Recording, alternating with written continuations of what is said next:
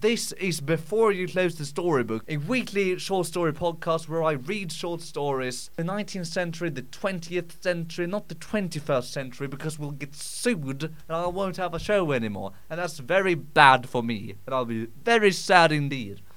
Well, we might have some. We might have some short stories from the 21st century because, um, well, case I know they haven't disclosed this publicly.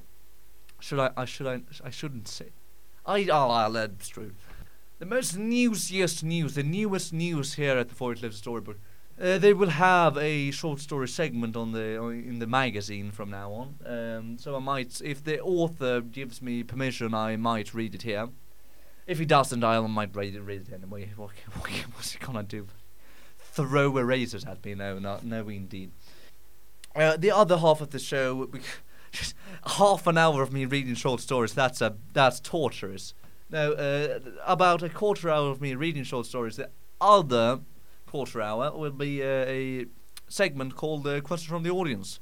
Uh, which the very shrewd and observant and intellectual people uh, people which listen to this show because if you listen to the show you must be very smart and uh, very cultured and very very not like me well um, in this yeah in this question from the audience thing i answer questions from the audience about, about all sorts of things um, whether it be uh, you want to have some um, i don't know philosophical stuff i'll answer that scientific stuff. I'll bloody do your homework, perhaps.